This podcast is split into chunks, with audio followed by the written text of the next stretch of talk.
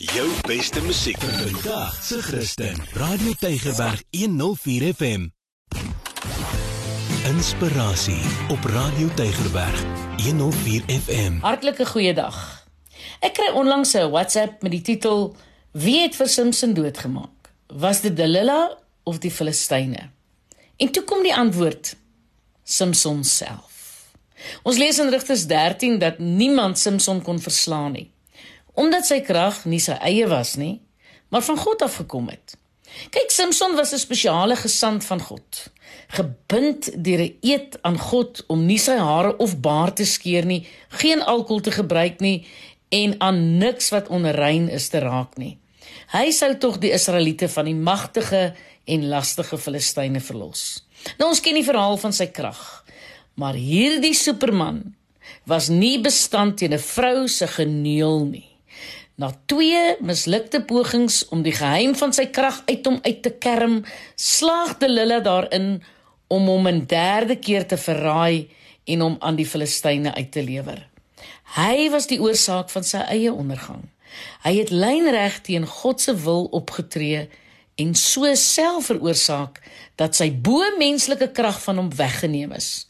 Ironies het God hom 'n laaste kans gegee om hom op die Filistyne te wreek deur die tempelpilare om te trek en met sy dood meer mense dood te maak as in sy lewe.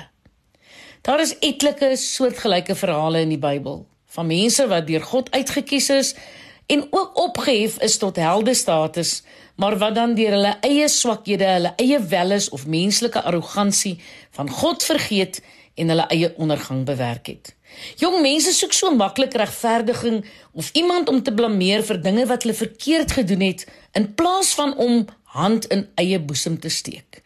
Dink jy nie ook dat ons grootste vyand nie Satan, 'n mens of 'n gees is nie, maar dat dit dikwels jouself is nie? En Jesus kom en hy keer die sondeboek beginsel op sy kop wanneer hy sy eie seun stuur om ons straf te dra. Hy word die laaste sondeboek die lam wat geslag is, sodat ons nooit weer offers hoef te bring nie. Nou as jy wonder wie se skuld dit is, vra hom en luister na sy antwoord. Hy sê: "Ek het al die skuld op my gevat en dit gestraf met kostes betaal en die hofsaak afgesluit. Jy is verlos en deur my seun nuut gemaak. Kry nou klaar met die sondebok soekery. Wie bluf jy? Ek sien wat in jou hart aangaan. Ek ken jou want ek is jou pa.